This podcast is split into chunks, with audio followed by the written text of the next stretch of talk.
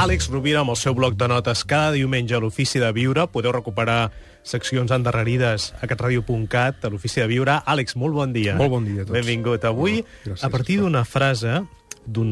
no sé si és un aforisme, És un aforisme, sí. una explicació en forma de conte de l'Àlex. La frase o l'aforisme seria amb les pedres que em van llançar vaig fer casa meva. Sí, senyor. Aquest és un, és un vell aforisme que ens porta a la idea de podem reciclar allò que, que hem viscut i que els altres ens han... És a dir, el, la intenció de mal d'altres persones cap a nosaltres, conscient o inconscientment, amb què queda? Pot quedar com una ferida de la qual no ens en sortim, certament, o podem aprendre alguna cosa bona d'això?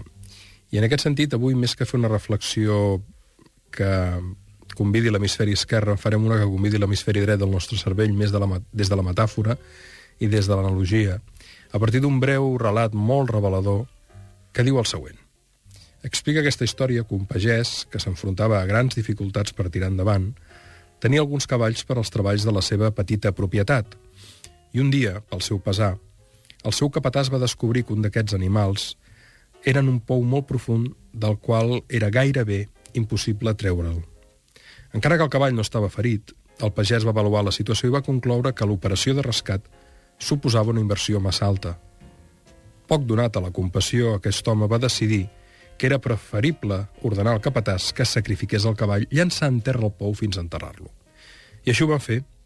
Van començar a omplir el pou amb terra, però a mesura que aquesta queia sobre l'esquena de l'animal, se la sacsejava, la trepitjava i quedava acumulada al fons del pou, cosa que possibilitava al cavall pujar i pujar lentament cap a la superfície.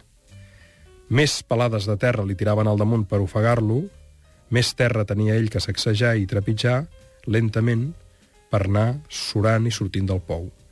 D'aquesta manera, la terra que li va ser tirada a sobre per enterrar-lo es va convertir un cop ben sacsejada en terra ferma de trepitjar per poder sortir-hi.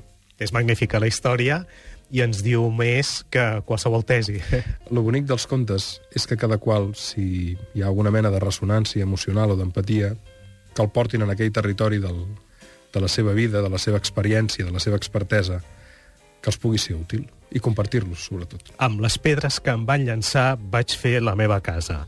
Àlex, moltes gràcies, una abraçada. Una abraçada Fins diumenge que ve. alquímica a tots.